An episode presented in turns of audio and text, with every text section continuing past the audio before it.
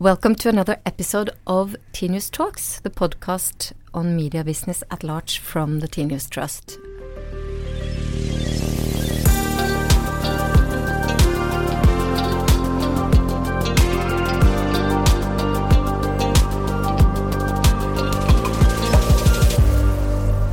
This time we will do it in English because we have uh, prominent foreign language speaking guests.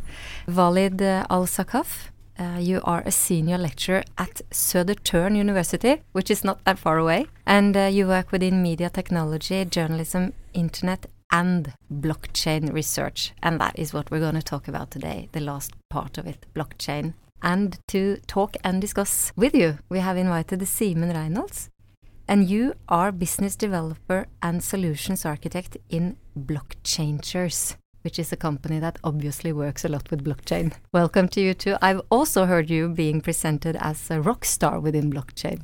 I, I wouldn't exactly call myself a rock star. I'm uh, more of just a, a, nerd that stumbled into it, uh, I suppose. So you digged yourself into the blockchain voluntarily? Yes, yes, I did. Valid. uh, if we if you take this from uh, the journalistic part of it, who uses blockchain within journalism these days. Do you have any current and interesting examples? The most popular blockchain we have is Steemit. And Steemit is basically um, taking into spirit, I mean, into the blockchain space, proving that it might well be possible to have a database that's distributed and contains journalistic content. Um, not necessarily all of the content is journalistic, just like any other social media platform. There are s- some of them that are journalistic and others are not. And there's also an ongoing project called Civil. Um, and one of their ambitions is to develop a model called the based on crypto economics. The underlying uh, promise of it is that to use their own token, which is CVL, which is basically a, a token that's um, built on top of Ethereum, to incentivize members of the civil network to act upon in terms of approving or voting against or validating content, journalistic content, so as to sanitize it from remove the fake or disruptive or let's say poor quality content and improve the overall quality and hopefully turning journalism to a profession that many can be proud of again. So it's quite ambitious and uh, it still has its own uh, stumbling stones in the, on, on its way. For example, they've launched one of their ICOs and then it didn't do well, unfortunately. And uh, so later on, they've realized, okay, there's still much more work to do. I've heard startups presenting that idea before, so to say. So, uh, so Simon, uh, do journalism need blockchain? So I think in storage, in stopping uh, censorship, so making sure that people are accountable for what they publish, um, making sure that people get uh, the the rights for what they publish, and making sure that something can't be taken down. All those are, are very important things that I can think can be very important. You didn't really mention the the, the trust part of it. That that, that things uh, are supposed to be very very safe and true uh, in blockchain. And that was where the discussion on blockchain started, wasn't it, Walid? Indeed. Um, one of the major promises uh, that uh, are introduced by blockchain technology is to uh, allow provenance, meaning that you are able to track original content the moment it's developed or the moment it's created. And so uh, the idea behind some projects, such as TruePic, which is more of a of a startup in the U.S. that's been promoting verifying authentic imagery at the beginning.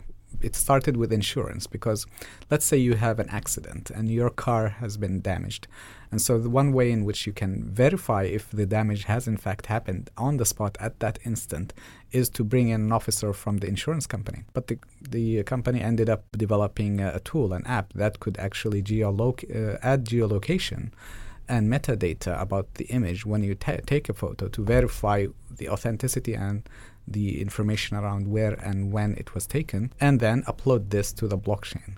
And meaning that it's now in an immutable record somewhere that can be verifiable. So they ended up thinking, okay, maybe it's uh, just as it's useful to document car crashes, why can't it also document the real original media content, news content? Let's say an, an incident in Syria that took place. And so or perhaps um, a fire that broke up. One of the ideas or proposals was to look back in time and see the original video's release date and the authenticity of the uh, creator of this data. And if that is on the blockchain it is likely that the next version is not the real version. It's the original version that was there uh, to start with. So this is another way in which you can help mitigate fake news uh, do you also think, Simon, that uh, that uh, video content that we can sort of strangle uh, deepfake in the in the beginning now with blockchain? Deepfakes is, a, is an example of using machine learning uh, technology to fake visual content, and so uh, adding, for instance, geolocation, adding you know speci specific tracking pixels in in video content to make sure that um, that something is from a certain source. Um, works only to the extent that the people publishing content wants to be uh, genuine. So, for instance, um, you can make an algorithm that will fake geolocation, uh, and you can make an algorithm that will fake. So you can you can't fake provenance, uh, which is so you know if your video is on the blockchain, um, or if a record of that video being uploaded so uploaded somewhere is on the blockchain, that you can't fake. But someone can alter a video enough that most software will not be able to link the altered video to the old video if someone is doing it on purpose, then it becomes hard. But it can help you stop sort of this when people spread something that they don't know is fake uh, or that they've been misinformed. Um, but when someone try to fool you, then it's a lot more difficult. Uh, and provenance is probably the, the, the safest thing we know. Well, I regret asking you anyway. I think this is the story on blockchain. I think, uh, I mean, we, we hope and we, we need some uh, some trustworthy uh, tools, so to say, things that can help us build true stuff. And then uh, and then uh, blockchain was for some uh, some time the the answer, and now it's also been hacked. Valid. Yeah, I mean, uh, first let us define the word hacked because there are some misconceptions of what hack means. Whenever your money in at a particular exchange is uh, taken away because of a hack, it's not because the blockchain itself was hacked, but those who use your private key, which is the way in which you can prove you're the owner of, of a particular amount of uh, cryptocurrency, them they are, let's say, for example, self um, and carelessly store the data in such a way that leads to the data being stolen that's not on the blockchain itself, but it's in a database, a central database. So it's basically we are repeating the same problem the blockchain wanted to solve, which is centralization of data. What needs to happen is that every single individual who owns any form of cryptocurrency on a blockchain needs to maintain and secure that private key and not give it away to a central authority. Otherwise, if it can be hacked. But there's also another form of hacking, and this hacking can happen on the uh, the um, client end. For example, if you have a wallet on your computer and, or your mobile phone, that information can also be jeopardized. There's a third form of hacking, which is closest to what might cons- be considered um, a, hacking of the actual blockchain, which is called the 51% attack. Is it so then that uh, because you touched upon decentralization of information, and uh, and my question then is, to be sure, you have to be part of the motorway within the uh, blockchain, so to say. You have to be part of the big guys. How decentralized uh, is it then? The mining or, or, production, if you could call it that, of, of Bitcoin fluctuates in, in different areas of the world. But there's one province in China that has uh, a couple of times controlled about 50% of the entire world uh, production of Bitcoin, which could potentially be a problem because then uh, if those banded together and for some reason and with some incentive, um, maybe with some sort of government backing, wanted to do a 51% attack, they theoretically could. I would say that they're pretty close to it if they already have 50%? Um, so they don't always have it because of the way that Bitcoin is, is built, but uh, but yes, if they do a 51% attack, uh, that would be bad. But there's something in blockchain called a fork, basically where some part of the network decide that no, we disagree with what happened here. We will make our own blockchain and we'll, we will uh, omit the results from from this part, from this sort of uh, production facility of, of bitcoins, for instance. So if they did a 51% attack, you could theoretically see almost instantly, um, within minutes, someone would set up a, a, another chain based on the previous uh, Bitcoin blockchain um, that would continue without that inf- in- influence. So if someone attacks, it's very much an issue of they have to attack without people knowing because if, if people people know people will instantly try to fix it. And it is decentralized. The storage even though the production might be might be somewhat centralized because of this the storage of the state the the, the, the storage of the ledger is spread out everywhere. The information is decentralized the, the production is maybe not. Let's say it is decentralized then uh, that i was wrong in my, my, my previous question. How can people get access to decentralized uh, information. I mean, one thing is that you store it, but but how to secure access for all people to this decentralized information, Walid? Mm, that's an excellent point, and it's one of the dilemmas of the usability of the technology. It's not going uh, to be easily um, adapted by the masses until the layer between the regular user and the blockchain becomes easier to use and facilitated. What we have now is what we call wallets, and, and wallets are basically your interface. You have to communicate with a blockchain using software, and this software is put in a neat way to become uh, a form that would allow anyone, my grandma, to be able to, grandma friendly, to have anyone use the blockchain for various purposes. The other flip side to it is that there is this equation or let's say compromise and I, I think it, it, applies to many areas in that if you want it to be more user friendly then you'll have to give more trust to the custodian uh, who will be taking your private keys and using them or using perhaps their own servers to store the blockchain instead of your own uh, device being the node. So there's always going to be a compromise between one and the other Okay. Valid says that we should get ourselves a wallet. Uh, but how do you put things on the blockchain? Maybe the easiest way to get into blockchain and, and to start interacting with, with the blockchain uh, is to use something called MetaMask. It's a plugin for uh, for Chrome, and you can use it to interact with the Ethereum blockchain. Um, and you can also use it to create an account on something called Ropsten. It's um, it's like the Ethereum blockchain, but for test users. So you can get free Ethereum, and you can transfer to to wallets, and it's not worth anything. It's just for, for testing purposes, but you can you can test out uh, you know ID solutions, um, signing, and, and so on.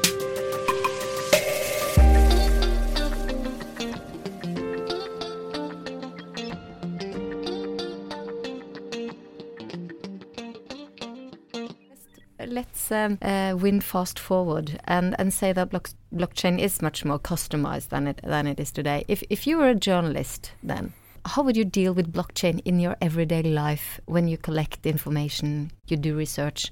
How to implement blockchain in that process? In my ideal world, I would write an article, maybe even a draft, um, and I would upload what's called a hashed version. It's uh, basically a version that is unique but can't be read by anyone else of that to the blockchain. And I would then go um, and had, have it published somewhere.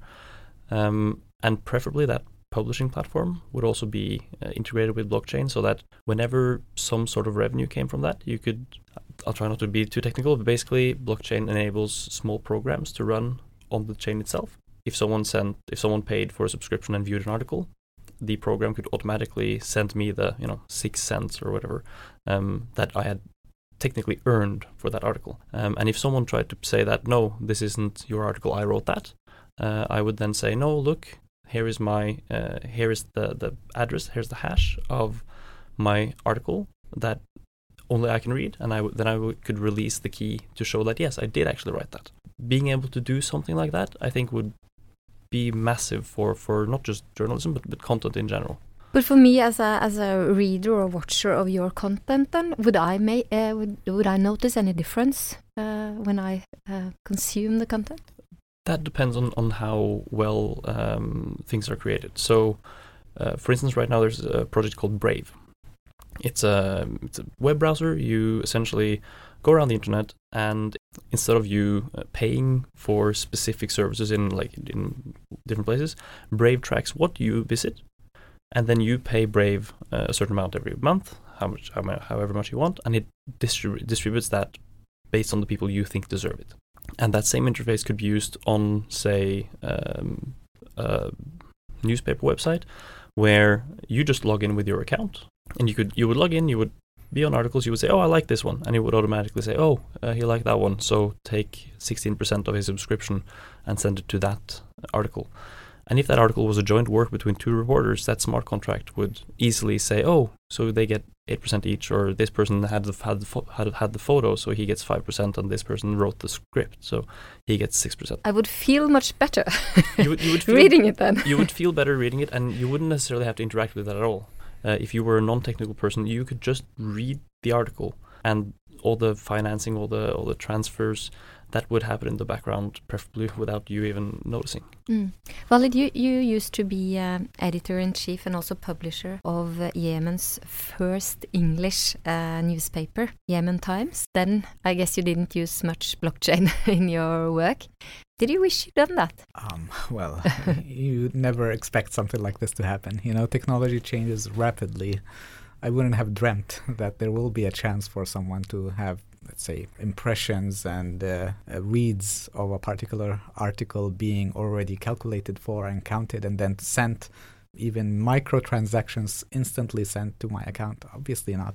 I uh, realized that the internet itself was similar in its birth. It's disrupted something. The, the, internet disrupted the way we communicated. Was a rough ride because eventually the competition was very tense by those producing content from across the globe, from various social media, etc. So now we have another opportunity. I'd say we are given a chance to see. There's another disruptive technology called blockchain, and we as journalists are spectating. Will we be active in understanding how it works, what it does, and how we can benefit, or will we just stay in the sidelines? I would argue for the former. I mean, it's important that we understand that new technologies, disruptive technologies, can have an impact on all walks of life. But if you if you should give an advice to a young journalist then uh, to approach blockchain, uh, how would you how would you recommend that she did it? Try get a wallet and begin learning. Um, it always starts with doing. I I've never really learned something deep inside and how it works until I began working on it. Because you can hear a lot, you can read a lot, but until you get a wallet running, until you get some form of a um, extension or plugin or get to uh, demonstrate that you sent someone as a transaction. Until you do that, you can't really know how it feels. Simon, you, you presented yourself as a nerd. Most of us are not. but uh, uh, what would your recommendations be for, yeah, let's say you're an ordinary journalist, back since we are in the media podcast now. Uh, how, should, uh, how should you start working with blockchain? As for how journalists should use it, um, I mean, Civil is a good example because they ha- they have a lot of professional journalists that actually came down and, and sat down and said, okay, how can we use this? How can we make this easier? It is very much about platforms and momentum. So if something, uh, if some blockchain project seems like it could um, help your day to day life, don't report on it and then leave it right? You have to interact with it, you have to use it, you have to test it. The more mature one a platform becomes, the easier it is to go on and say, ah, okay. But it's really the early adopters that, that are the most important. And uh, yeah, uh, also about blockchain, I would like to say when I speak about blockchain, many people perceive me as very negative um, because I talk about you know security risks. I talk about, um, and it's not because the blockchain is a bad thing, but a lot of people have hyped it up into something that it's not. And like you said earlier, it's very much a tool in the toolbox. Um, some things are can only be done on blockchain, and some things should never be done on blockchain. Um, so, you know, keep in mind if, if someone tries to give you a solution for something that you already have a solution for, that's not really a solution. That's just trying to fit a, a, tool to a problem. You agree to that, Walid? I, I think much journalism is about perspectives, right? It's about opinions and perspectives and how I see things. Blockchain doesn't really apply to that. I, would say it's there's always something to everyone when it comes to details.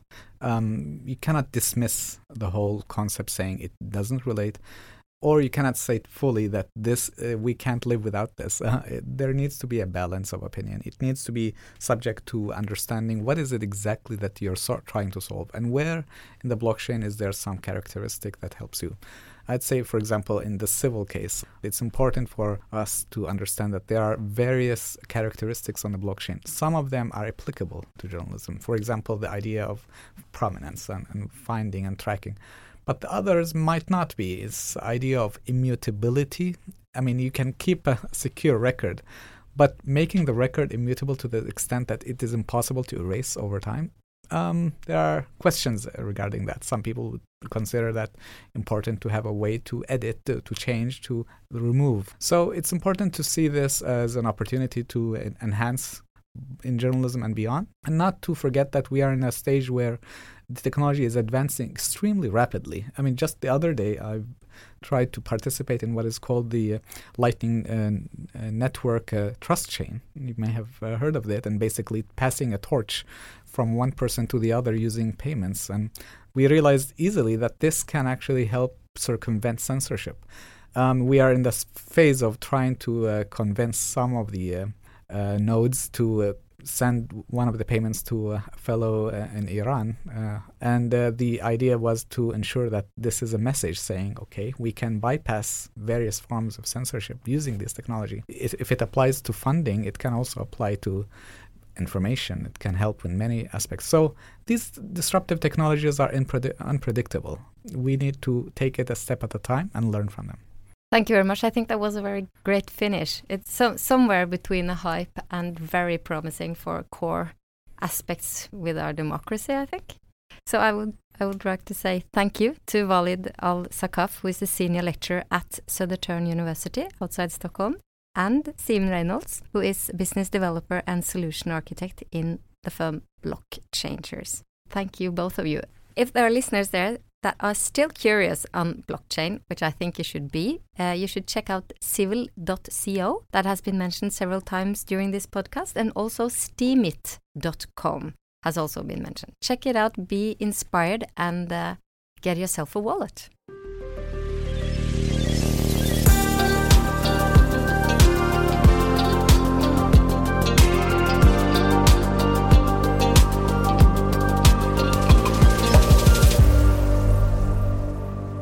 This podcast is produced by Hansine Korslien for the Tinius Trust.